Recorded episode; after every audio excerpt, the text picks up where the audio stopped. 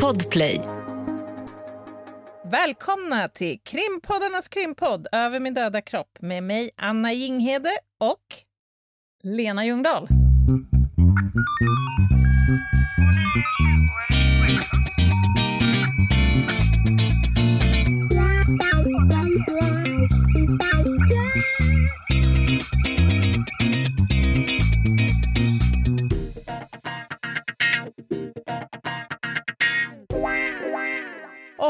Äntligen är du tillbaka Lena. Have you missed me much? Oh yes I have. Nej men, jag hade en ny upplevelse i morse när jag slog upp mina blå, eller blå, brungröna ögon, ja. om vi ska vara helt ärliga. Eh, och fick dra igång och lyssna på veckans spaning, utan att ha en aning om vad det var eller vad som sades, för jag var inte med. Vilken märklig grej på något sätt. Ja, det var faktiskt märkligt, men också väldigt skönt. Var det Jag var ju njut? trygg. Jag var visste att ni skulle... Ja, men det var jag. Och jag visste att ni skulle leverera. och vad, vad tror du att jag hade sagt om jag var med i spaningen? Angående morgonstund har guld i mun. Ja, för dig, du hade ju inte bara pratat om morgonstunden som grus. Du hade ju gått in och pratat om den som makadam, storsten och eh, allt möjligt. Gnejs. Gnejs, ja. Ja. Ja, jag, det finns en absolut fördel med att ha sagt upp sig, som jag har. Och det är att jag får sova hur länge jag vill på morgonen. Och det är utmärkt när man inte går och lägger sig före två. Ja, gång. det är utmärkt. Men alltså jag upplever dig lite som jag, mig själv i det här läget. Jag vet ju att du är en kraftig motståndare till tidiga morgnar. Men Absolut. du pallrar dig ju alltid upp och du kommer ju iväg. Och du gör ju liksom ditt jobb professionellt oavsett. Så Oh, du ja. lyckas ju hålla ihop dig. Ja, till exempel i morse så pallade jag mig upp kvart över åtta och var Ja. på Södermalm klockan nio hos Oj. min eh, terapeut, lymf, lymfmassagemänniska. Ja. 45 minuter från att jag sov till att jag var eh, i en annan del av stan. Det är ja, bra. Det är jättebra jobbat. Verkligen. Det är också åkt buss däremellan. bara, Ja, bara en sån sak. Men du, du har ju varit borta nu eh, några dagar. ja. Eh, Mm. Vill du prata om det? Lite? Kanske, kanske lite. Mm. Jag är ju inte så bjussig, men min far gick ju och dog. Just det. Ja. Och då fick jag helt enkelt lägga saker och ting åt sidan Mm. och pyssla lite. Mm. Och det, mer än så kommer jag kanske inte säga om just familjedelen, Ja, just eller min far. Men eh, det är någonting märkligt med att vara liksom on the other side. Nu är ju han också on the other side precis Mm. just nu, men Mm. det här med att vara... Att veta allting, alltså så som Mm. jag har gjort miljarders, nej det har jag inte gjort, men jag har gjort väldigt många lägenhetsundersökningar, det vill säga gått in i bostäder, bostäder där någon är död. Mm. Jag har lämnat dödsbuden. Jag har pratat med eh, dödsfallsutredarna. Mm. Jag har haft kontakt med saneringsfirmor. Eh, ja, men du vet, hela den där cirkusen. Men Mm. det är lite annorlunda, skulle jag vilja säga, att göra det som anhörig. Mm. Men med all kunskap. Men, men blir det liksom en konflikt där, eller är det något du har glädje av? Alltså, har du glädje av dina tidigare erfarenheter i stunden Ja. som anhörig? Förstår du vad jag menar? Jag skulle säga att det är på gott och ont som vanligt. Mm. Eh, på gott, vi har ju pratat i ganska många avsnitt om mental förberedelse. Mhm. Det är ju det goda. Jag vet ju hur saker och ting kommer se ut, och så vidare, Mm. och så vidare, Mm. utan att gå in på några detaljer. Eh, på ont är det ju att man vet ju också allt dåliga. Mm. Ingenting så att säga passerar ju. Men blir du en sån här som att du vill liksom kontrollera så att alla saker har gjorts?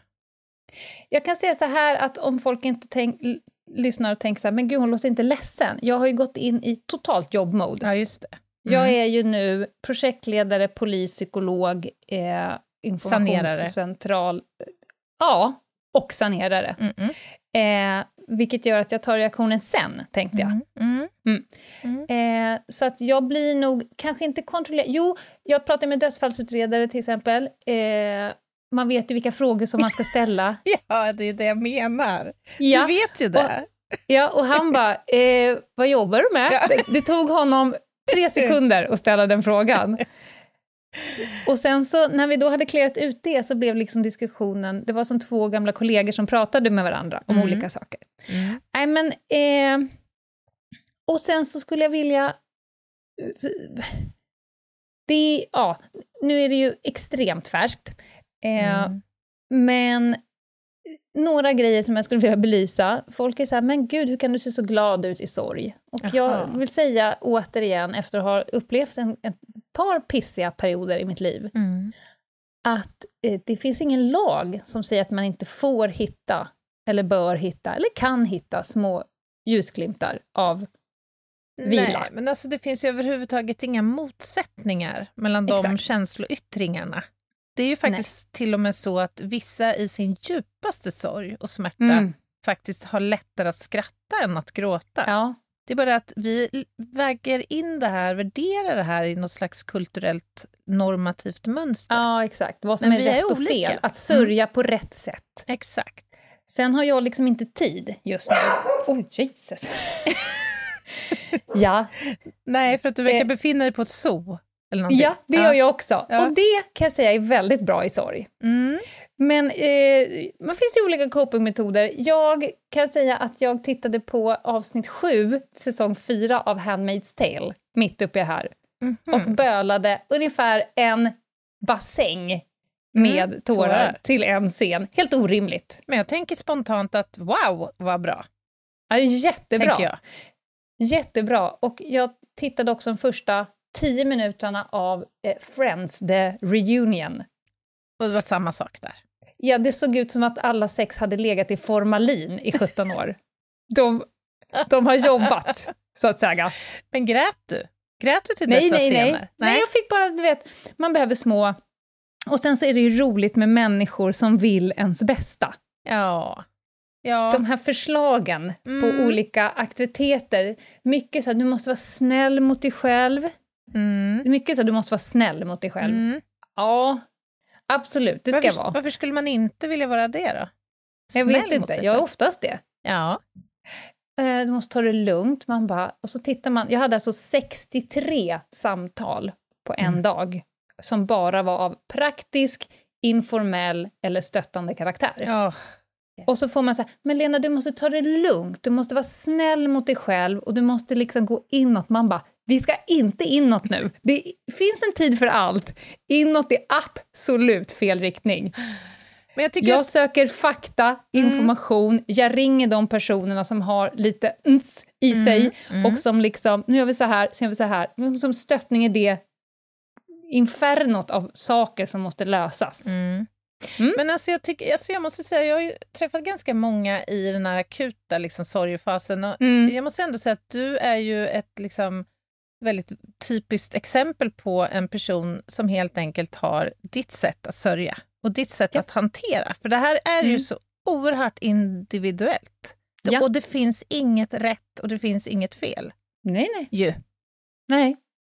Nej, och jag vill också säga, och det eh, även när jag var själv väldigt sjuk, folk vill ju så väl, och man ska ju Mm. komma ihåg det, även de här tokdumma Mm. eh, idéerna om Mm. vad man ska göra, som är dumma, inte bara liksom per se, utan framförallt om man känner mig så borde man veta att det här är så fel väg att gå. Mm. Alla vill bara ve- väl. De Mm. vet inte vad de ska säga, de vet inte vad, vad, vad som är rätt eller fel.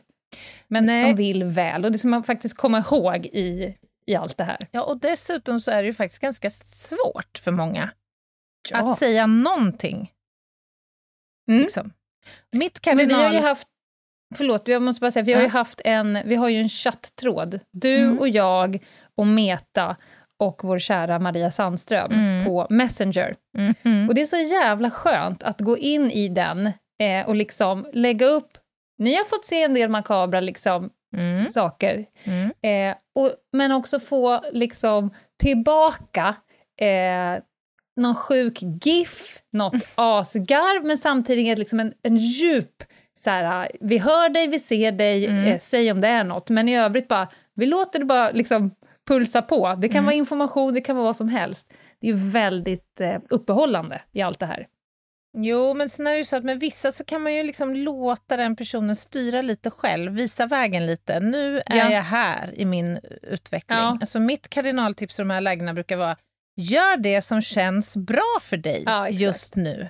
Mm. Om det så är att knupp, knyppla, kolla Mm. på Friends eller Mm. rida käpphäst, I don't give a fuck. Men gör det Jag har som också känns bytt bra. väldigt mycket knappar i olika typer av kläder som har så här, haft liten lös knapp under lång tid. Okej. Det finns inte ett plagg i min garderob som inte har en Ah. jävla så hårt snurr, som en jävla hönsrövshård Du ser. eh, knapp. Ja, men det fyller väl något terapeutiskt syfte då? Absolut. Men Anna, no, men det, jag tackar för att jag fick en paus från liven och tackar Meta som klev in och drog in spaningen tillsammans med dig.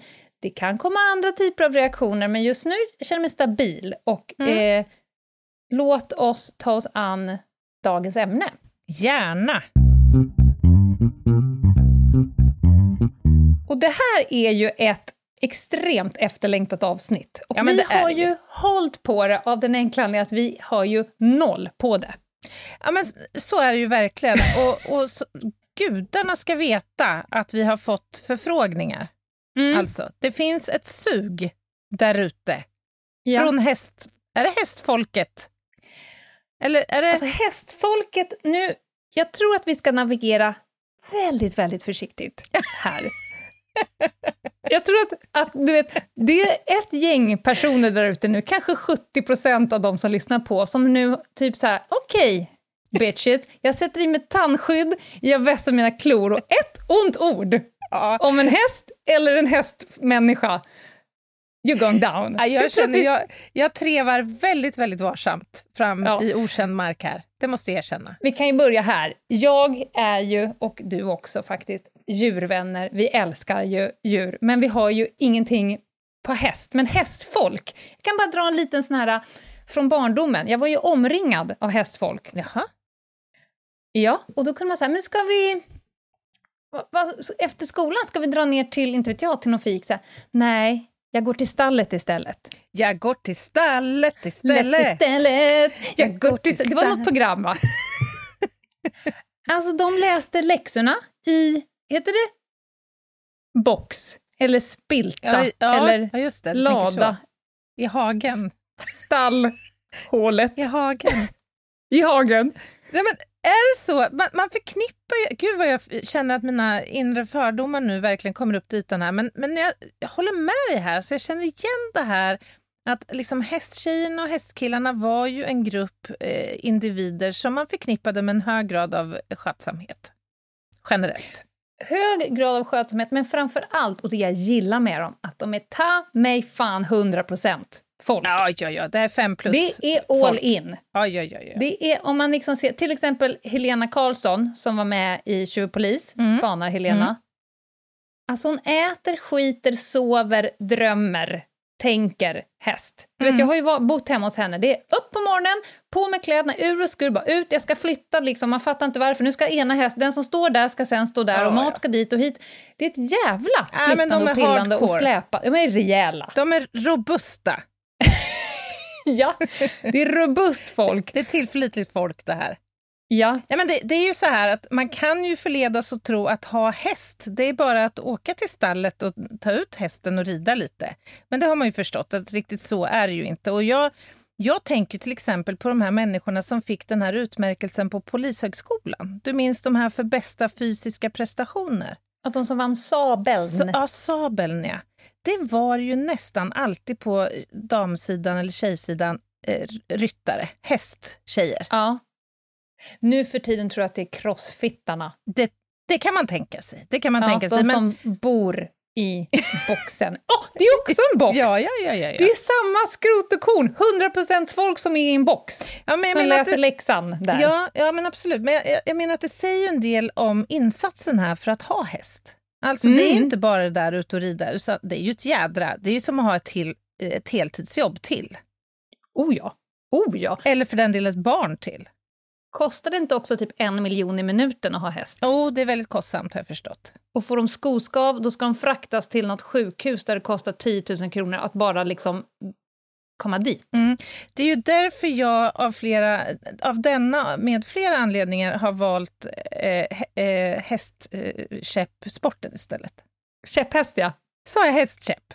Ja, Ja. det, Det är av den det, det anledningen jag, att jag har inte lärt mig namnet på mina hästar som är lite... Ja, de har, de har bara tre ben, så de har käpp. Är det liksom sjörövarhästen? Ja, det är en sån ny erfarenhet för mig, så jag har inte lärt mig riktigt namnet på sporten än. Käpphästsporten. Jag kan säga så här, Anna. Vi Mm. har ju... Vi har. Jag har ju lovat att du ska göra någon liten käpphäst-grej. Eh, grej. Det har du lovat, ja. Det Mm. här har ju uppmärksammats. Och jag kan säga så här, jag har fått någonting hemskickat till mig som kommer att komma dig till livs den dagen Sluta. du kliver ut i manegen, eller vad heter det, voltigen, paddocken. Jag bara, jag bara droppar Hammocken. olika typ... I Hammocken. hammocken. jag droppar olika hästsaker nu, men då kommer jag stå där, stolt som en kranskulla och leverera. Jag förstår. Ja, nej, men jag, jag inser att det är li- lite upp till bevis som Ja. gäller här. Men vad har du för erfarenheter då, polistjänstmässigt, Ja, av alltså- rytteriet och polishästarna? mm, för, för privat är det ju väldigt tunt, mer än att jag har ridit då och då av det enkla att folk i min omgivning har häst. Mhm. Mm. Och jag tycker varje gång att det är skitkul. Jag kan också lova, jag lägger ut film på Instagram när detta sker. Oj, när ni hör mig säga “gå höger, gå höger då”. Ja, du säger det till hästen, ja. Ja. Mm. ja. Eh, jobbmässigt har jag två erfarenheter. Det ena är ju eftersom jag har jobbat en del i kommenderingar. Mm. Jag har jobbat Kilo och Romeo, det vill säga eh, civilklätt eller spaning, eh, hålla på med kommenderingar. Då, det finns ett ljud som gör att man drar öronen åt sig och tänker att det är dags att skägga. Och det är när det bara kloppeti kloppeti kloppeti klopp. Då vet man, nu gäller det att vara på rätt sida. Här gäller det att fälla in hovarna bokstavligen och bara glida snett ut vänster. Och det är så ballt. Men jag tänkte just säga, det är inte, för att du har ju erfarenhet av det här. Jag har erfarenhet av kommenderingar, men inte Mm. kloppity kloppity. Och det Nej. beror ju på att jag bor ju i Örebro, va? Mm. Och vi har polisrytterier i Stockholm, Västra Götaland och Skåne, så att av geografiska Ja. skäl så har ju, har ju det här passerat eh, mig. Mm. Men är det inte en förbaskat mäktig Ja. känsla? Ungefär som nu kommer liksom det tunga artilleriet här. Ja. Ja, exakt så är det. Och jag tror att det inte finns en, en ja, möjligtvis om man är djupt psykiskt sjuk, Mm. så tänker man, jag står kvar. I will do the chicken race with you. Eller om man inte har hört vad som Ja. pågår, möjligen. Ja, möjligtvis det. Men annars så tror jag att det har en oerhört eh, fullgod effekt på de Mm. flesta när det kommer till lite eh, stök i kommenderingar. Och när vi pratar kommenderingar, vad kan det vara? Fotbollsmatchen naturligtvis. Mm. Mer då? Men, eh, demonstrationer, Mm. Olika demonstrationer, eh, både tillståndsgivna och när det blir civil olydnadsstök. Mm. Ibland är de ju bara tjusiga, liksom är med i eskorter. Just det, korteger och... Ja. Ibland har jag faktiskt sett dem här uppe i Stockholm, de är bara ute och så här finpatrullerar. Bara hänger runt på stadens gator och torg. Ja, men det, de är ju oerhört snygga, det måste man ju säga. Och stora. Ja. De köper inte in D-ponnys till det här. Men jag måste säga så här, eh, jobbmässigt, eh, det finns ju liksom situationer man som spanare finner sig i, och så finns det situationer som är lite mer kluriga. Jag kan Mm. berätta om en scen som de klippte bort från Tjuv och polis, säsong Mhm. två, Lysekil. Mm. Jag och Helena Karlsson, då, då riddamen, eh, satt i... Vi visste att det skulle hända någonting i alla fall. Mm. Och sen så går det iväg och vi hamnar vid ett stall. Det tar 3,2 nanosekunder innan Helena Karlsson står i ryttarbyxor. Såna här med förstärkt insida knä och stjärt. Och någon form av skodon. Inte stövlar, men lite mera robusta gymnastikskor Mm, med mm. några färgglada eller rosarutiga sockor upp till knä. Ah, jag Sen går hon hurtigt in. Hon har nog något snöre i handen också. Ljungan? Nej, nej, hon står klapprandes något typ pumps eller något. Och bara, oh shit, ut där. Och Helena finner sig, så då känner jag de här svaren som man som spanare egentligen vill ha. Vem Mm. är jag? Vad gör jag här? Mm. Var kommer jag ifrån? Var ska jag sen? Mm. Och varför då? Mm. Jag tittar ner på mig själv och bara, hmm, jag är en förrymd Stockholmsmorsa som letar efter ett ridläger till min... Brr, nej, Helena, jag tar, jag tar åt det här hållet. Ett dike här borta. Aj, Ja. jäklar. Nej, men det, det, det lustiga är... är ju när du nämner den här hästgården, jag var ju också involverad där och skulle leta efter lite tjuvgods. Mm, Pengar alltså. mm, just det. Och eh, jag- jag gör ju, tar ju min uppgift på fullaste allvar som du vet och tog då Ja. som en livsuppgift den här kvällen att söka igenom hästens mat, hästarnas mat. Alltså en Ja. stor, ja men det var som någon liksom anordning inne i hagen med fullt med hö. Och det var ju Ja. hö Det förmodligen. brukar som inte var, vara ett gammalt deppigt badkar. Ja, men det var det inte nu. Utan Nej, det, var okej. nog ganska, det var som en fine dining historia. à la carte. ja. Men, och då frågar ju ägaren till hästarna, går det bra om hästarna är ute i hagen när du gör det här? Ja, ja, herregud, jag skulle väl spela lite tuff där då inför kameran och det. allting. Ja, ja, det här är Jag inga... tror inte du törs, Nej, var det någon som tror, sa. tror inte jag törs leta igenom höet när hästarna kommer. Det var ju bara det att när jag började gräva det där, då tolkar väl hästarna det här som en signalen om att kom hästarna, kom hästarna får ni mat. Och var ju på mig överallt, all over the place, hela Åh, tiden. fy. Och jag var, det här var alltså 45 minuter av djup och svår terror för mig. De är oerhört stora och, Ja, det är de. De är verkligen stora. Och Men under vi- hela den här perioden så låg det ju en spanare uppe i någon lada och dokumenterade alltihop också. Ja. Det kanske är något material vi kan få titta på i efterhand. Det tror jag inte. Men du, vet du hur många polishästar det finns i Sverige? Nej, Jag har nämligen en siffra här. såklart att har du gått i litteraturen. Jajamän, såklart. 60 polishästar. Och Ja. det är ju alltså eh, hästskötare då, utbildade hästskötare som tar hand om dessa. Mm. Och själva rytteriet där då hästarna ingår, ingår liksom som en del i polisens särskilda polistaktik. Mm. Så det här är ju liksom helorganiserat skulle man kunna säga. Och en av de absolut stora fördelarna med hästarna, det är att de lär ha en lugnande effekt på människor. Ja, det tror fan det. Att man håller sig lugn när de kommer. I och för sig, om jag nu ska minnas, när de står här på stadens torg, det är rätt mycket folk som vill klappa och vinka. Alltså, Mm. jag ska säga 95 procent av utbildningen för att bli ridande polis, det måste ju vara att sitta på ryggen och jobba in den här Silvia-vinkningen. Ja, det måste det ju vara. Det är klart. Täta fingrar och så bara vicka lite, lite, Ja. lite på, på, på andleden. Just det. Men jag, alltså jag är ju samtidigt så här, jag fattar ju vad man menar när man, när man beskriver så här att det ska ha en lugnande effekt på människor. Men alltså jag tänker ju, om jag bara utgår från mig själv, det har definitivt inte en lugnande effekt på mig. Jag tycker hästarna är nästan till skräckinjagande. Ja, men det kan ju vara lugnande, för om du hade varit liksom med ont uppsåt, du hade haft bus i blick, så att säga. Mm. Du hade ju fällt ner luggen på dirr när det är kloppet i kloppet i klopp. Det är ju lugnande. Ja, det är lugnande, men jag tänker, kan man tänka sig liksom ett panikartat scenario istället? Apati! ja, ja, verkligen.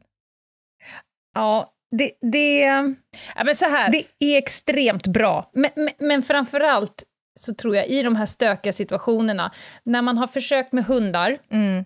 man har försökt med fotfolk och mc-folk och bilfolk och så vidare. När hästarna kommer in Mm. med den maktdemonstrationen som det är, och jag, vi har ju, jag har ju intervjuat en tjej, eh, vi ska prata om det, hur man övar bort alla genetiskt nedärvda instinkter som en Mm. häst borde ha och bara fortsätta trumma på. Vi kommer ju alla ihåg de här scenerna från kravallerna nere i Göteborg. Göteborg, ja. Mm. När det bara dunkar stenar på hästarna, de bara okej, okay, I gotta go to work. Är så coolt. You better work bitch. Och så bara fortsätter de. ja. Men jag tänker så här, ur eh, liksom ett eh, förövare eller gärningsmansperspektiv så, mm. så är det ju inte så svårt att förstå att om man nu har en agenda att kasta sten eller vad det nu kan vara för någonting mm. och man då vänder sig om och dels är det ju, det är ju som en ljudmatta av väldigt högt mm. ljud eh, från demonstrationen självt eller vad det nu är, upploppet. Men sen kommer då de här kloppet kloppet klopp och liksom storheten i djuret. Alltså det är mm. någonting så att det signalerar ju hot. Typ spring för fan! Mm. man kan ju fatta att det har en ganska avväpnande effekt. Absolut. Man förstår varför de ingår i polisens särskilda polistaktik.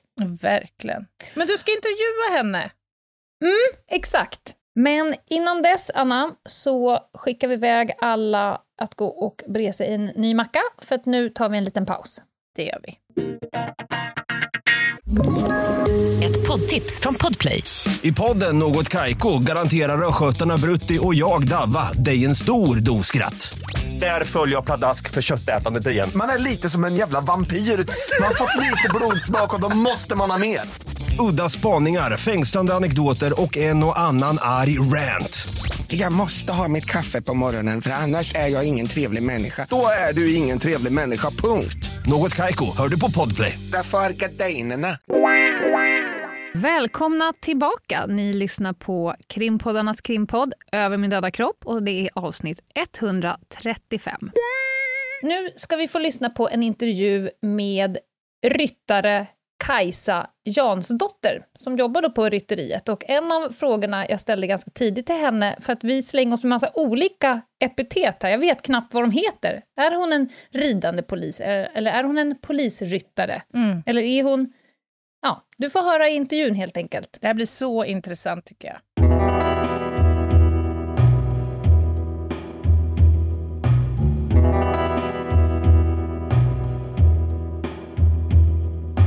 Och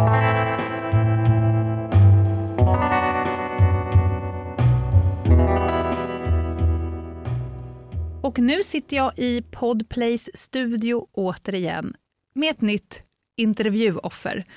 Och denna gången är vi så glada för att hon har all den kunskap som vi överhuvudtaget inte besitter när det kommer till hästarna. Välkommen Kajsa Jansdotter. Tack snälla. Och eftersom jag inte vet, eh, det har jag redan liksom eh, flaggat för, att vi är ju extremt tunna på det här området och även på dig. Och jag har med flit inte frågat dig så mycket frågor här vid kaffet. Så att du får börja med att presentera dig helt enkelt. Vem är du? Ja, men eh, jag heter Kajsa Dora och jag är 29 år gammal, blir 30 nu här till hösten. Har varit polis sedan vintern 2014 och då jobbade jag till att börja med i Sala utanför Västerås som ingripande polis. Okej. Okay. Och sen har livet gjort så att du hamnade på en hästrygg i din yrkesutövning. Precis. Hur hamnade du där? Jag, jag, känner att du inte är första gången på hästen i tjänst. Nej, alltså jag har ju hållit på med hästar sedan jag var sex år gammal. Fick min första ponny när jag var tio.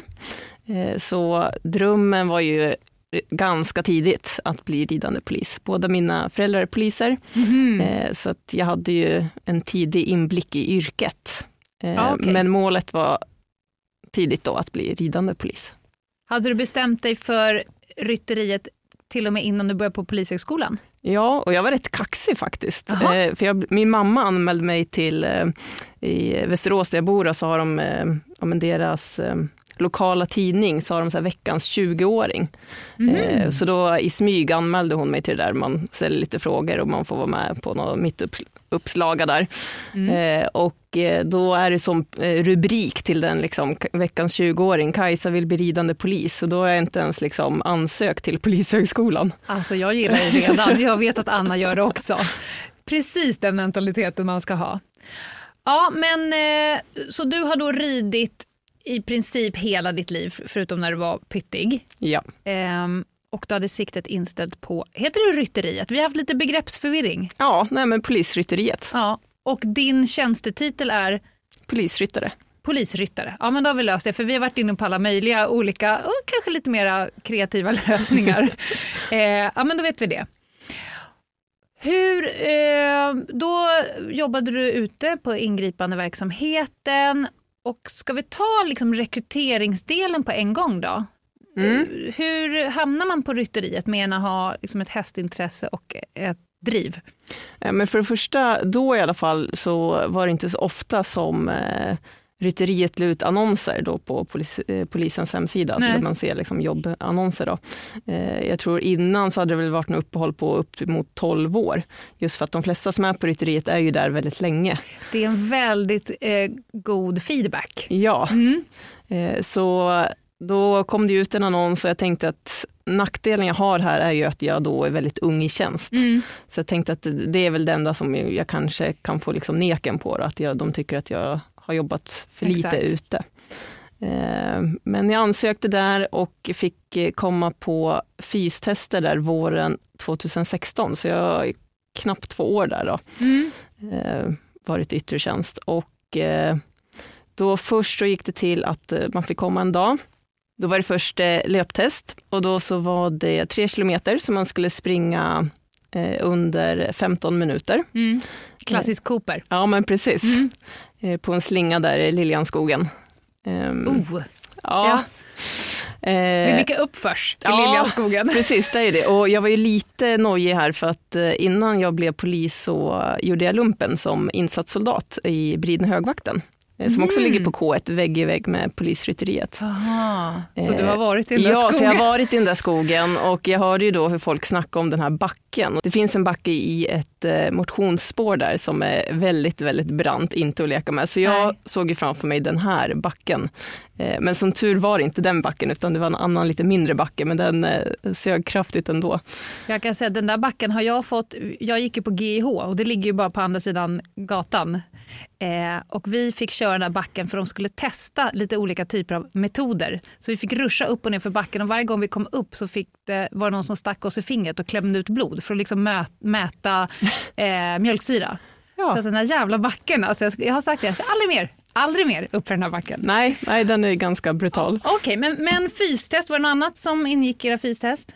Eh, nej, det var själva den biten och sen så blev det ett eh, stresstest. Eh, mm. Och då fick man ju sätta på sig all den här utrustningen som en polisryttare har. Eh, med chaps och, och ja. kroppsskydd och eh, vita hjälmen. Och, eh, man hade ju ingen aning om hur det här skulle sitta. Har du alltid den utrustningen när du är uppe på hästen? Nej, bara i eh, SPT-sammanhang, alltså särskilda... Polistaktiken? Ja, men precis. Mm. när det är någon särskild händelse. Mm. Den liksom, man blir tyngre, otympligare, ser mindre, hör mindre. Ja, verkligen. Ja. verkligen. Okej. Okay. Eh, så då fick vi sätta på oss all den just för att det skulle skapa någon form av lite stress. Ja. Dels utav hur får man på sig den här utrustningen och sen skulle vi springa där för att få upp pulsen. Det är ju väldigt tungt. Den här, mm. All den här extra utrustningen väger ungefär 25 kilo extra. Mm. Um, och sen då så skulle vi upp på trähästar. Militären har ehm, trähästar som de nya rekryterna brukar få öva på. Jag trodde du skulle säga käpphästar. Vi kommer till det sen. Men okej. Eh, trähästarna, är de, är de full size? Ja, jo men det är de. Jaha, och då skulle du upp där? Ja, så då ska man ju då eh, symbolisera en grupp här då, en, en ryttargrupp på sex personer, så man blev indelad i olika grupper då. Mm. Just för, eh, ja, och då hade man ju observatörer som stod och kollade på en, just hur man uppför sig i grupp, ser man till mm. att alla gruppmedlemmar hänger med här när vi ska hoppa upp på de här trähästarna. För det blir lätt så att man hamnar i den här så kallade stresskoden. Ja. Mm, när man blir ocharmant och dryg, ser inget, hör inget och lite dum i huvudet. Precis. Mm.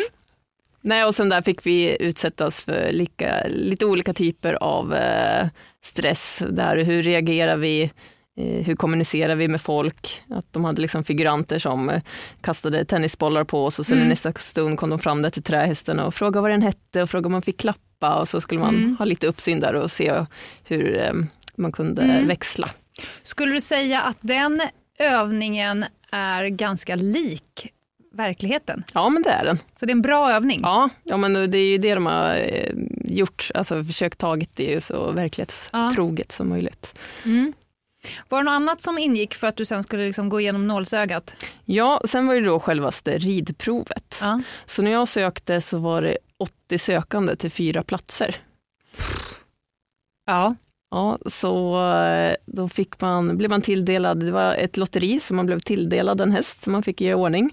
Ja. Eh, och sen så fick man först då rida som ett eh, lite ja, dressyrlektion. Det var en instruktör i mitten som sa vad man skulle göra. Mm. Och sen så när halva tiden hade gått så fick man byta häst och då hade de ju sett lite hur man red och sånt så då pekade de ut och valde ut en häst Mhm. åt den istället. Så blev det då att man skulle hoppa en liten bana på ungefär Okej. 70 centimeter. Och du glänste uppenbarligen eftersom du kom in. Ja men det gick, det gick bra i alla fall. Säger Kajsa och ler stort. Ja, jag älskar det. Ja, men det har man förstått att är man en hästmänniska, en som vi, Anna och jag kallar all in-människorna, ni är lite speciella, är ni inte det? jo det är vi.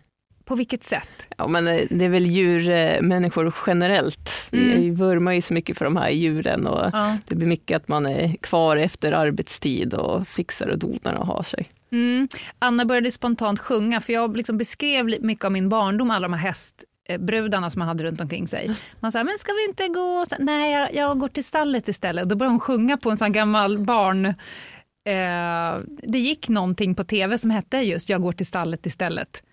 Du kanske är lite för ung för den. Ja, lite kanske. ja, men det är ju någonting med det att ni äter, sover, skiter eh, häst. Ja. Ja. Men eh, det är väldigt många som vill bli. Du kom in. Grattis till det och grattis Polismyndigheten säger jag. Är det mest brudar eller? Eh, ja, eh, vi har ju då även eh, manliga polisryttare också, men majoriteten är ju kvinnliga i dagsläget. Ja. Eh, och där kan jag väl berätta en liten rolig anekdot. Eh, Jeanette Helander, en kollega som gick i pension här förra året, började, hon var en av de första kvinnliga polisryttarna. Hon började 84 på polisrytteriet och då var det ju bara män. Eh, och då ja, ville väl inte de riktigt ha kvinnor på arbetsplatsen. Så att på den tiden då fick de, ett, de var tre stycken kvinnor och de fick ett par ridbyxor, begagnade då, att eh, dela på. Ja. Så att de kunde ju inte liksom, jobba samma arbetstider i och med att de bara hade ett par ridbyxor. Och sen så fick de ju begagnade ridstövlar som var liksom ingådda och för stora. Och, 45. Ja men typ. ja. Eh, Så att allt var inte bättre förr. Men, Nej, eh, väldigt få saker var bättre förr kan vi väl konstatera. Okej, men nu kör ni likadant mot eh, männen nu eller? ja, nej, nej. De får ett par ridstövlar i storlek 36,5. Vi vill gärna ha fler män, Ja. Ehm, men det är lite svårt för att eh, det är så pass få, just polis, alltså i och med att du måste vara utbildad polis, det är Ja. så få som rider och att, det, och att de är tillräckligt bra. Vi har haft någon rekrytering någon gång och så Mm. kommer det någon poliskille i liksom, eh, sån här cowboychaps med fransar och cowboyhatt och liksom vill bli polisryttare så har han ridit en gång på Skansen. Liksom. Men sluta, det måste ju varit något vad han har förlorat.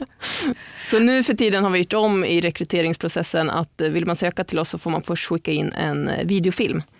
Just att man kan sålla, så att, som i mitt fall här Ja. då, att eh, man inte behöver ha 80 eh, pers som liksom rider på hästarna Ja, för det nöter nej. rätt mycket, utan då kan man sålla ut att då tar vi kanske de 30 bästa. Du kan ju titta på, på vårt Instagram här imorgon och så kan du titta på filmerna på mig och så kan du bara messa mig om du tror att att jag hade fått liksom brevet att jo men du kan faktiskt komma hit och fortsätta. Eller kanske filmerna på när Anna rider käpphäst. För det är, hennes, det är lite av hennes expertområde faktiskt. Mm, kan man inte tro. Okej, men ska vi ta en, bara i kort vandra oss igenom en vanlig dag? Mm. Finns det någonting som heter en vanlig dag? Eh, nej, Nej. nej. Okej. Ta sådana saker du oftast gör då. Ja, nej men eh, en vanlig dag, eh, det börjar alltid, oftast så gör ju vi, ja, majoriteten skulle jag säga gör dagtid, att man jobbar 7-16. Mm. Eh, så det första jag gör då, om det inte är något speciellt, som sagt om det inte är någon insats eller Ja, något annat, eller att vi gör 14-23 och åker iväg eh, och sådär. Eh, men oftast då när jag kommer i alla fall, när jag börjar jobba så går jag till eh, någonting som vi kallar för utsättningsperm. Där det står vilka som jobbar för dagen, vilka som är dagbefäl, eh, vilka hästar man har och där ser jag då eh, vilka hästar jag har och om det är några speciella arbetsuppgifter jag ska göra med de hästarna. Mhm. Till exempel då åka ut eh, till något eh, polisområde och patrullera till exempel. Okej. Men okej, tar du då en häst och stuvar in det i någon sån här kärra och åker ut och gör det själv? Eller Ja, oftast är vi indelade då i patruller, precis ja. som när man åker och patrullerar mm. vanligtvis som en vanlig polis. Eh, men då har vi vår, eh, antingen då om vi är flera, så har vi ju vår nya fina lastbil, mm. som har blivit en jättetillgång. Ja. Och det är framförallt då vid särskilda händelser. Eh, för i Stockholm eh, så vi att vi ska kunna utse två ryttargrupper.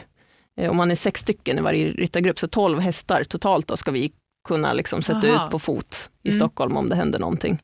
Okay. Eller övriga delar av landet om de mm. behöver oss.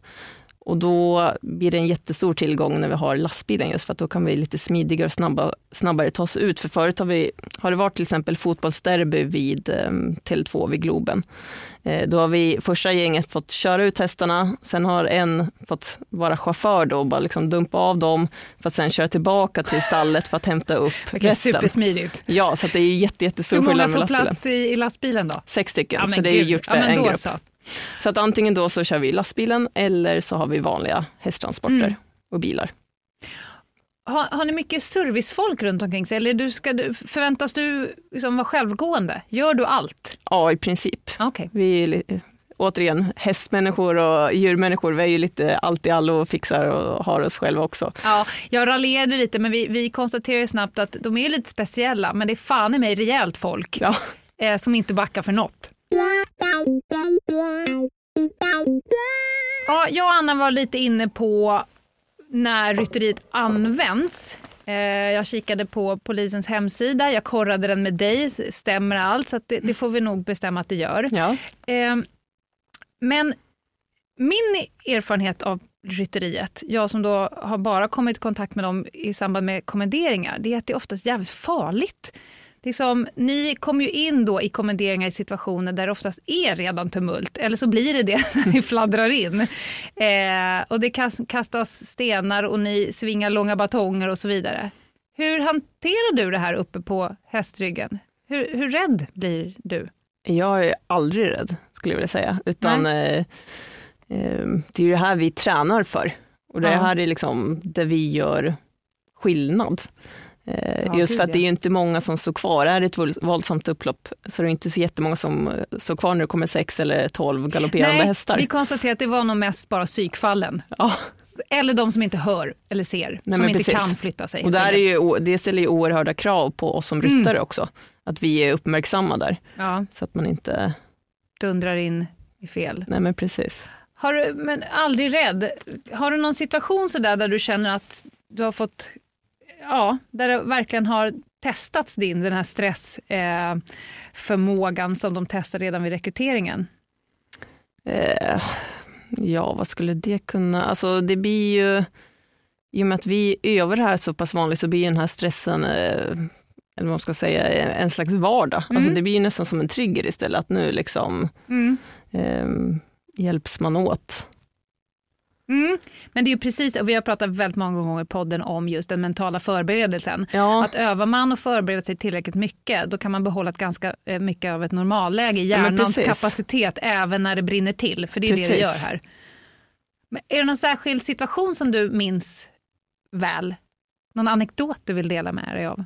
Mm, ja, men alltså jag, när jag var precis färdigutbildad polisryttare där hösten 2016 eh, så red jag och en kollega eh, runt, eh, det var Pride-festivalen skulle vara då, Pride-tåget skulle gå genom stan. Så vi hade som uppgift att ta lite sidogator och patrullera just för att vi hade fått lite indikationer på att det kunde vara lite annat folk ute som hade intentioner att vilja förstöra Pride-tåget. Mm. Så vi ligger och skannar av lite olika talgrupper som ryttare så har vi oftast två radioapparater på oss. Mm. Dels, en, dels en för intern kommunikation och sen en då för att eh, Insatskanalen. Ja, men precis, ja. kunna toggla runt lite och lyssna mm. på olika talgrupper. Eh, så då hörde vi då att det var några eh, kollegor som eh, cyklade, som eh, cyklade efter ett gäng då som sprang med väskor och eh, plankat och grejer ner mm. mot, eh, mot eh, Pride-tåget. Så att vi låg rätt bra till då faktiskt, så att vi genskjuter dem precis när de är på väg ner där. Och eh, jag lyckas galoppera ifatt en kille och ta tag i hans eh, t-shirt vid liksom nacken.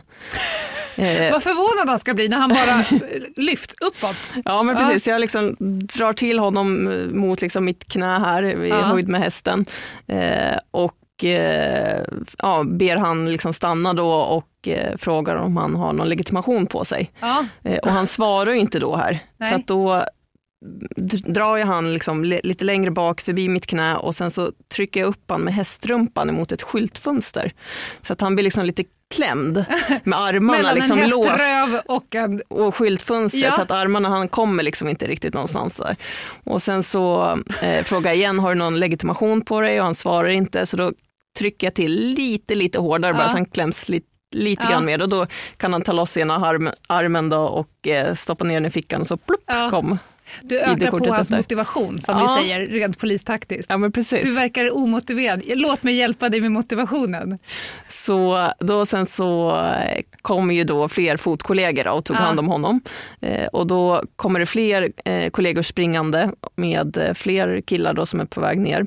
Så att jag vänder om hästen där och galopperar ut där förbi några bilar och parkerade bilar och cykelställ och grejer och lyckas få tag i eh, handtaget på den andra killens ryggsäck. Ja. Så jag liksom sliter han emot mig där också, ja. så blir det lite samma visa där med.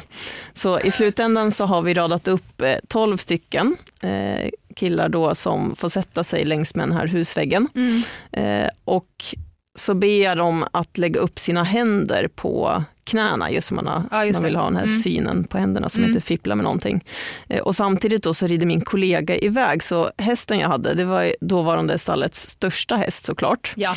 Eh, så han var riktigt rejäl, över 1,80 i mankhöjd. Och eh, då tror ju min häst att han blir kvar själv, självlämnad där. Så mm. att han gnäggar ju efter sin kompis, varpå det här gnägget, det är sånt Tryck. Ja, så här vrålskrignägg ja. av något slag så att hela liksom hästen vibrerar. Så jag sitter ja. där och liksom skakar. och då sa det ju bara tjoff! Så ja, la ju samtliga fram. händer så att de trodde att det här var någon signal Exakt. eller något jag hade liksom lärt hästen. Exakt. Så att vi sa det efteråt, det skulle ju vara jäkligt häftigt att kunna lära in. Eh, som på beställning, som är med hund. Ja men precis. Ja. precis. Känner du när du sitter där och har gjort, du har lyft den ena hit och puttat rumpan hit, känner du så här, jag har världens bästa jobb? Ja men då jag var ju helt lyrisk, det hör ju, jag, ja, ja, ja, lever ju på det här än, jag lever ju på det här än idag. Ja.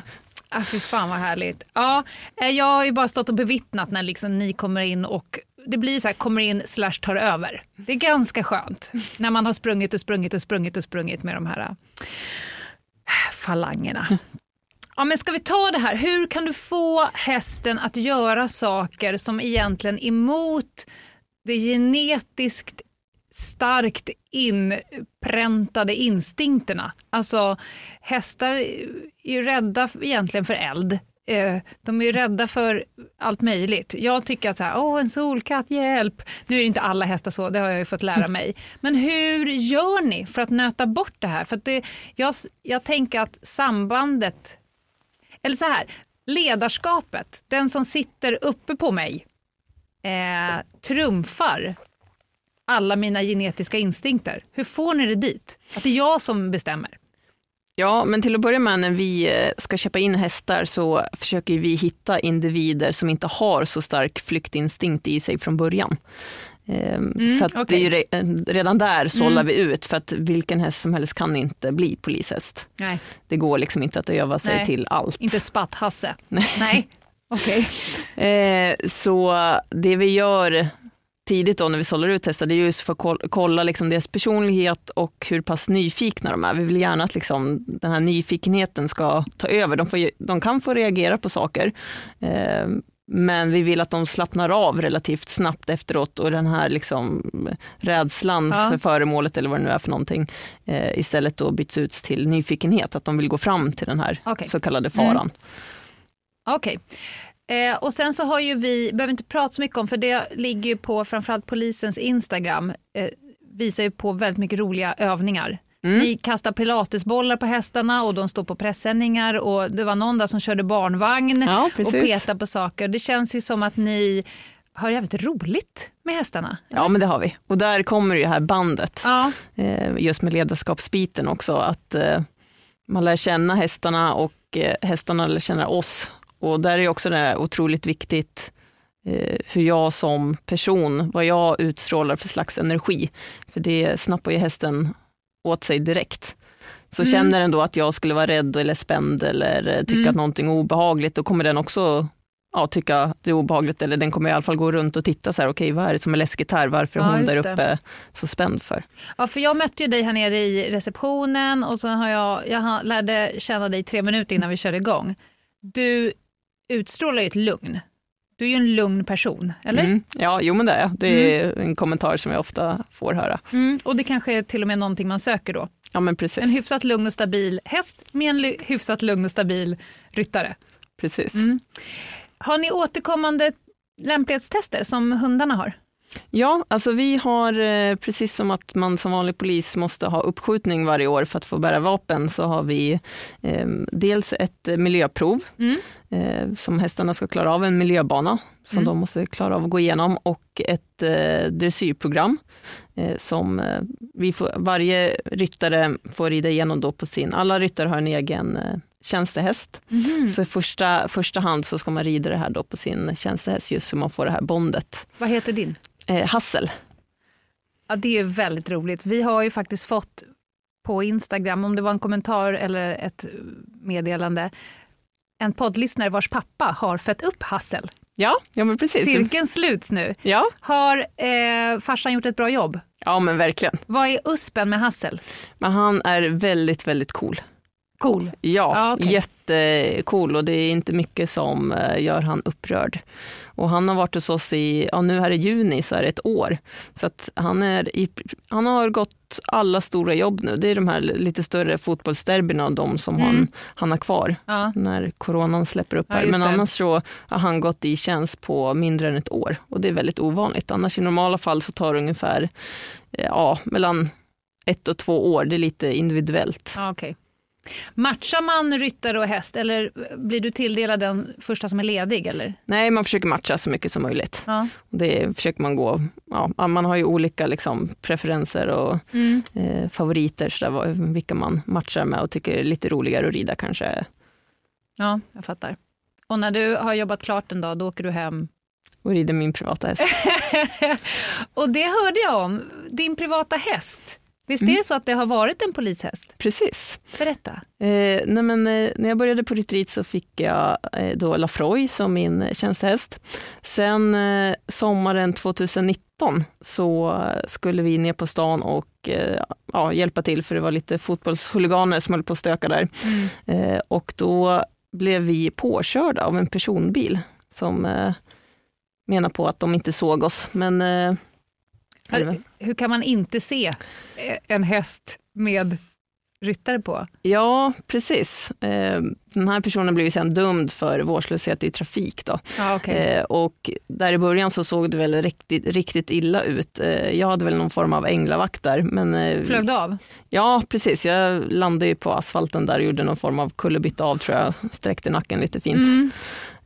Men hästen hade ju då ett sår på ungefär 30 gånger 30 centimeter vid eh, flanken, alltså vid höftbenet bak vid okay, rumpan på hästen. Jag tänkte precis, det säger mig ingenting. Nej. Ja, jag fattar. Mm. Och där forsar det då ut blod. Aha. Så att när han väl lyckas ställa sig upp eh, så ja, det var ju så här, vi kommer aldrig greja det här. Nej. Men eh, räddningstjänsten var snabbt på plats så eh, de tömde två stora brandbilar och en ambulans på första förband. Så det var mycket tack vare räddningstjänsten, brandmännen där, eh, som räddade livet på honom. Jag får ris på benen. Samverkan återigen. Precis, hela okay. tiden. Så det, det, ja. det är nog enda gången som jag kan känna att jag varit rädd. Skärrad. Ja, ja. men så just att eh, eh ja, men att, eh, ja, att man just, jag struntade väl kanske lite i mig själv där och då, men just det här med ja. djuren, det blir liksom så ja, himla men jag vet blödigt. Precis. Ja, gud, jag är precis, jag börjar böla. Direkt, jag som är djurmänniska.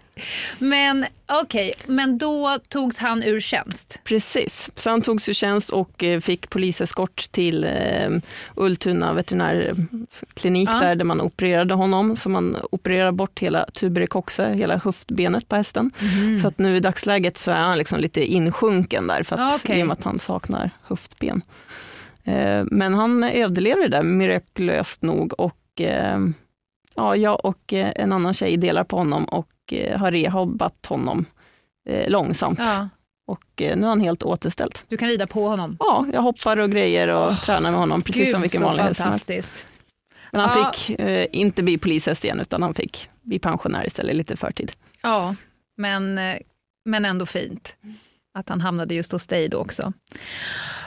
Okej, okay, eh, jag ska avsluta med två frågor. Tips för de som suktar efter din arbetsplats. Ja. Som befintliga poliser eller som är sugna på att söka. Eh, nej men vill man söka till oss, eh, då ska man nästan eh, man ska känna sig lite klar med den vanliga polisiära eh, rollen. Mm. Så att man, för det blir mycket häst. Mm. Det är inte så mycket köra blåljus och utryckning och sådär, mm. utan eh, vill man göra det så eh, ska man göra det först. Ja. Eh, och sen andra tipset är att rida mycket. Mm. För det som folk får som feedback när de undrar varför kommer inte jag in för, det är just oftast att, de är, att det finns andra som är starkare i ridningen helt mm. enkelt. Så att rida, rida mycket och uh, hålla igång det. Ja, bra tips. Och om jag ska avsluta med en fråga som kanske blir extremt hypotetisk, för att jag, nu har jag lärt känna dig lite väl. Men om du inte fick vara en ridande polis, du får inte vara på rytteriet längre. Vilken annan polisiär tjänst vill du ha eller är dina eh, egenskaper bäst lämpade för? Ja, men jag skulle nog hålla mig till djurbiten då kanske. Mm -hmm. Så hundförare är inte helt otippat kanske. Sen har jag varit lite inne på, innan jag sökte till rytteriet, då hette det ju Nick alltså, ja. Eh, och nu heter det väl RG, eh, regionala insatsstyrkan där. Mm. Eh, det tyckte jag lät väldigt intressant. Ja, okay. ja, men du är en lugn, trygg, stabil, men ganska tuff person. Får man säga det? Ja. ja. Och jag kan bara beskriva, Kajsa sitter här framför mig och hon har eh, ridstövlar.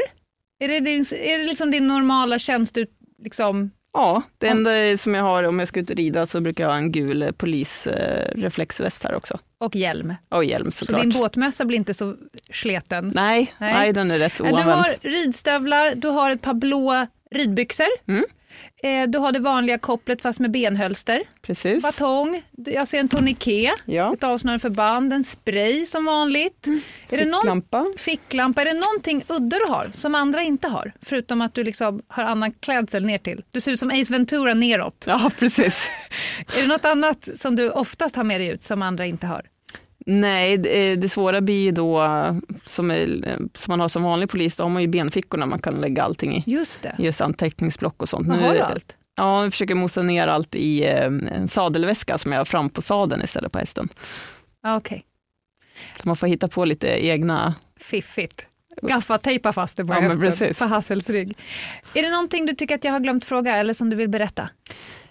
Nej, men eh, är ni mer intresserade av oss så får ni jättegärna följa oss på sociala medier. Eh, då heter vi polisrytteriet understreck Stockholm. Och där har vi även då polisrytteriet understreck VAST, alltså för väst, Göteborg, mm. och eh, polisrytteriet understreck syd för Malmös rytteri.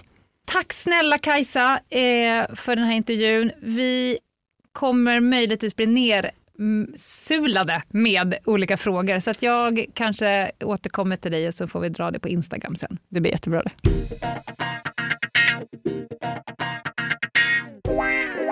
Så, Anna, nu har du fått lyssna på Kajsa.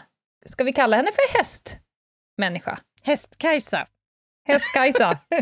ja, men fantastiskt. Alltså, det här är ju en polisiär funktion som jag är så impad över och tycker, alltså, jag, det verkar som de har asroligt på jobbet, de också.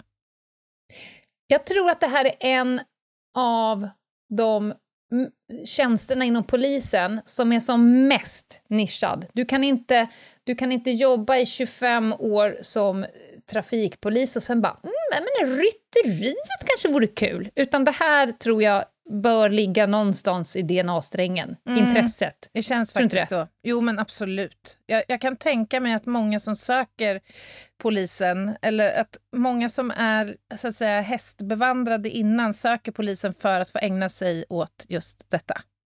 hästbevandrade. Ja, absolut. Anna, du ska snart få... Jag är liksom inte i fas. Egentligen är det en rövhatt, Lenas rövhatt den här veckan. Men jag kan inte anbringa fart i dessa tider, där jag befinner mig i mitt tillstånd. Just det, och då kommer godsvagnen och tuff, tuff! Här, tuff, tuff! Här kommer Men innan dess så skulle jag bara vilja ge lite samhällsinformation. Mm. Den här veckan så kommer ni alltså att få uppleva olika saker på Instagram.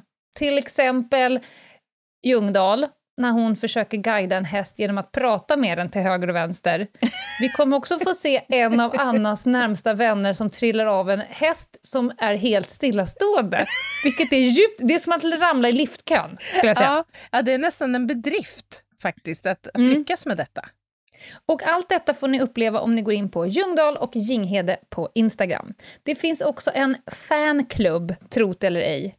Mm. Över min döda kropp, eftersnack och diskussioner på Facebook. Mm. Det är inte vi som driver denna. Vi har inte startat en egen fanklubb.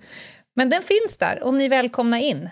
Den finns den där och dörren står öppen för alla dörren nya. står öppen. Mm. Och om man sköter sig så får man vara kvar. Hälsar Maria och Charlotte som håller på med det, och Tova. Mm så är det. Men nu, Anna, nu mm. skulle jag vilja höra, vad blir det för lista idag? Ja, nu är det ju så att jag vill ju inte gärna frångå traditioner. Och just den här torsdagen så var det tänkt att det skulle vara en rövhatt. Mm -hmm. Och det vill jag naturligtvis, jag vill inte svika våra lyssnare här. Jag kommer att leverera en rövhatt. Oh. Annas rövhatt. Jag är ja. anspänd. Jag skulle vilja prata om gruppen eh, eh, rövhattar som vi skulle kunna klassificera som gruppen fokusförflyttarna. Oj! Låt mig berätta, ge dig en liten ingress till detta. Mm. Vi är då i eh, Örebro och vi har en lokal eh, blaska här. Den lokala tidningen publicerar här om eh, veckan en artikel om det eskalerande våldet i nära relationer. Mm -hmm.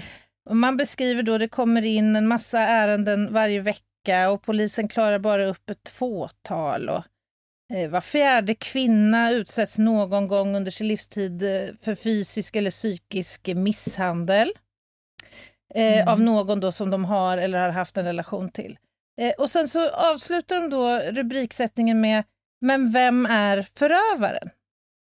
Mm -hmm. Ja, det, det strömmar in då. Jag följer ju eh, den här publiceringen i sociala medier och eh, främst på Facebook. Och det strömmar ju då in kommentarer om att det här är, det är för jävligt det här samhällsproblemet. Och det, ja, men det är liksom en stridström av kommentarer som liksom till, till artikelförfattarens så att säga, fördel här, som också har beskrivit det här som ett extremt problem. Ja. Och det, det, är också, det brukar vara i de här trådarna eh, företrädesvis kvinnor som ryter i, men i det här fallet så var det faktiskt ganska, ja, det var nog ungefär jämnt fördelat mellan män och kvinnor som röt i. Och det var ju lite uppfriskande tycker jag. Röt i så som att kom med förslag över vem som var förövaren? Ja, så röt i som att det här är ett problem som vi måste ta tag i nu mm. och män måste sluta slå kvinnor. Ungefär mm. så. Eh, det kommer också då förslag på vad det är för eh, förövare. Och då, mm. det trillar in då förslag som att det här är ju det är män som inte har hittat sig själva och det är män som kanske utsattes som barn och det är män som drivs av makt och kontrollbehov och det är också liksom förenligt med den gängse liksom kunskapen om det här. Eh, och jag följer den här utvecklingen i tråden och så händer det då. Det, det är då de liksom tittar fram. De kryper liksom fram från sina mm. mossbelagda stenar i den djupaste, djupaste Närkeskogen. Ja. Fokus förflyttar rövhattarna. Ja, ja, de som då istället för att erkänna att vi ja, har ett stort problem och ja, det är ett mansproblem, väljer att förflytta fokuset från det som är problemet och lägga det på ja, kvinnor. På dels mm. kvinnorna som utsätts och för den delen också kvinnor som inte utsätts. Så jag läser ju då... Vad, vad är förklaringsmodellen är jag lite nyfiken på. Ja, först så kommer ju då kommentaren Ja, undrar om de kommer skriva något om kvinnorna som slår ner männen och trycker ner männen också. Ja, ja. Den, den kommer då först. Check på den. Mm. Och då, då svarar ju någon annan från Livets hårda skola, nej, det kommer de inte göra, vi blir bara dömda bara vi öppnar käften. Ja, mm. Ma, det får man inte säga i det här jävla landet. Nej, Nej. Åsiktskorridoren är för smal, jag får inte uttrycka mig. Ja. Sen, sen kommer ett, ett, ett, snille som skriver jag vill också ha krafttag i samhället. Ja, ah, det är härligt mm. känner man ju då. Det, det är lite peppigt ändå.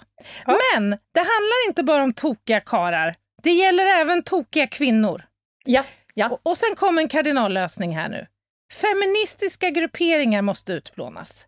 Mm. Det handlar om en sekt med gapiga kvinnliga myndighetspersoner och särskilt inom socialtjänsten. Och alla dessa tokiga citat systerskap inom olika samhällsinstitutioner. Men Anna, är det incelsposten du läs ni har som blaska? ja, men alltså jag blir så trött. Alltså jag blir så jag, jag blir trött på detta rövhattsbeteende på riktigt. Hur? Jag är förvånad att, att, det inte var, att, att problemet är importerat.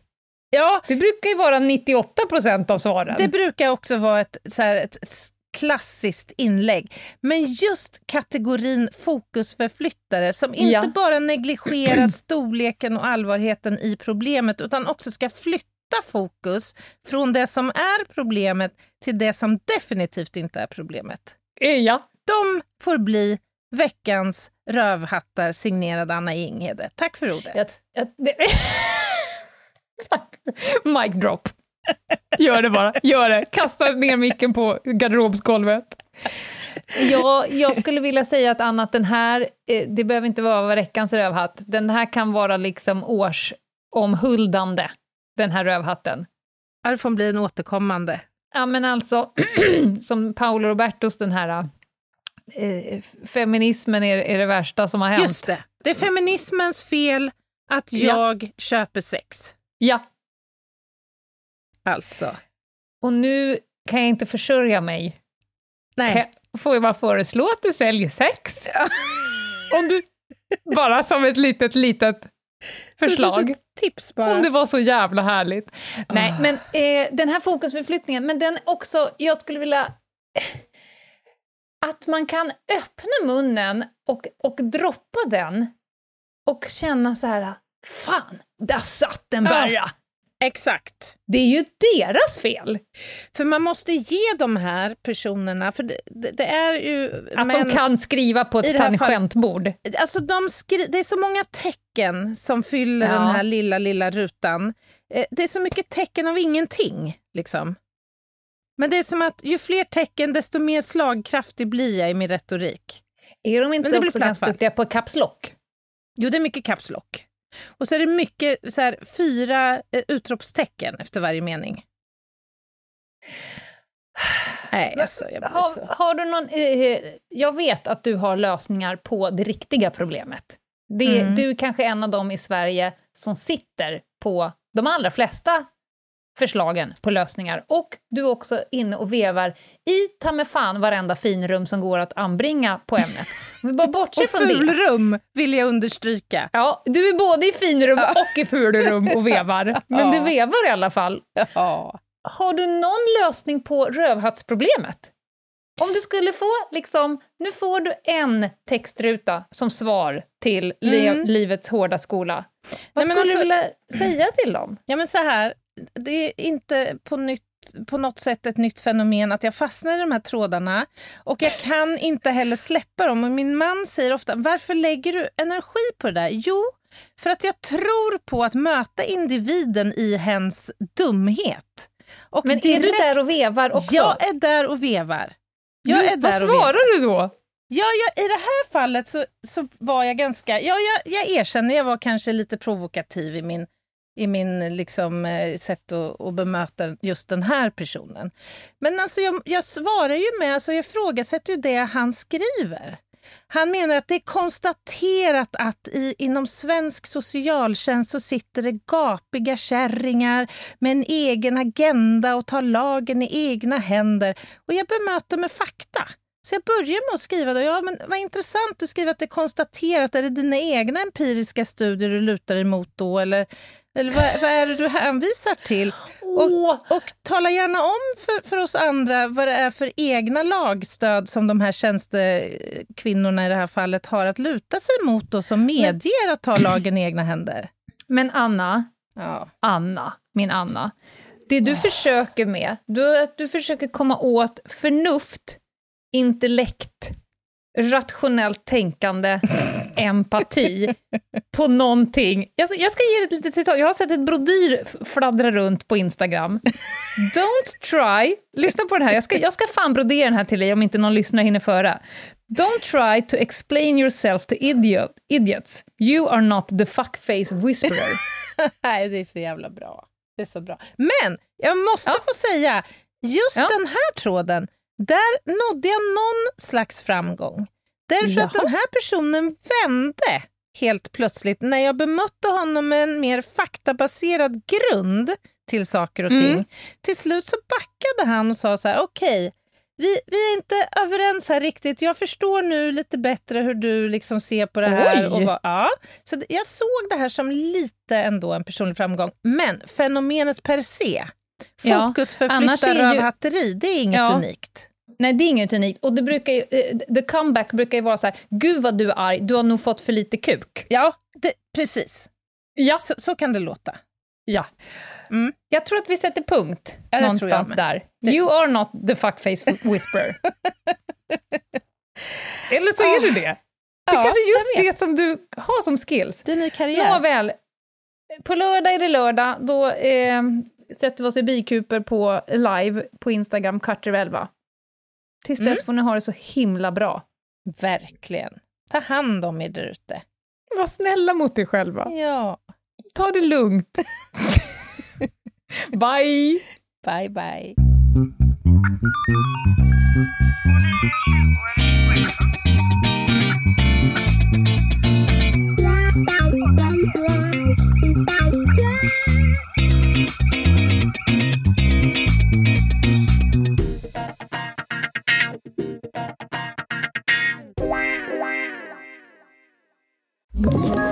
Ett poddtips från Podplay. I podden Något Kaiko garanterar östgötarna Brutti och jag, Davva, dig en stor dos skratt. Där följer jag pladask för köttätandet igen. Man är lite som en jävla vampyr. Man har fått lite blodsmak och då måste man ha mer. Udda spaningar, fängslande anekdoter och en och annan arg rant. Jag måste ha mitt kaffe på morgonen för annars är jag ingen trevlig människa. Då är du ingen trevlig människa, punkt. Något kajko, hör du på podplay. Därför är gardinerna.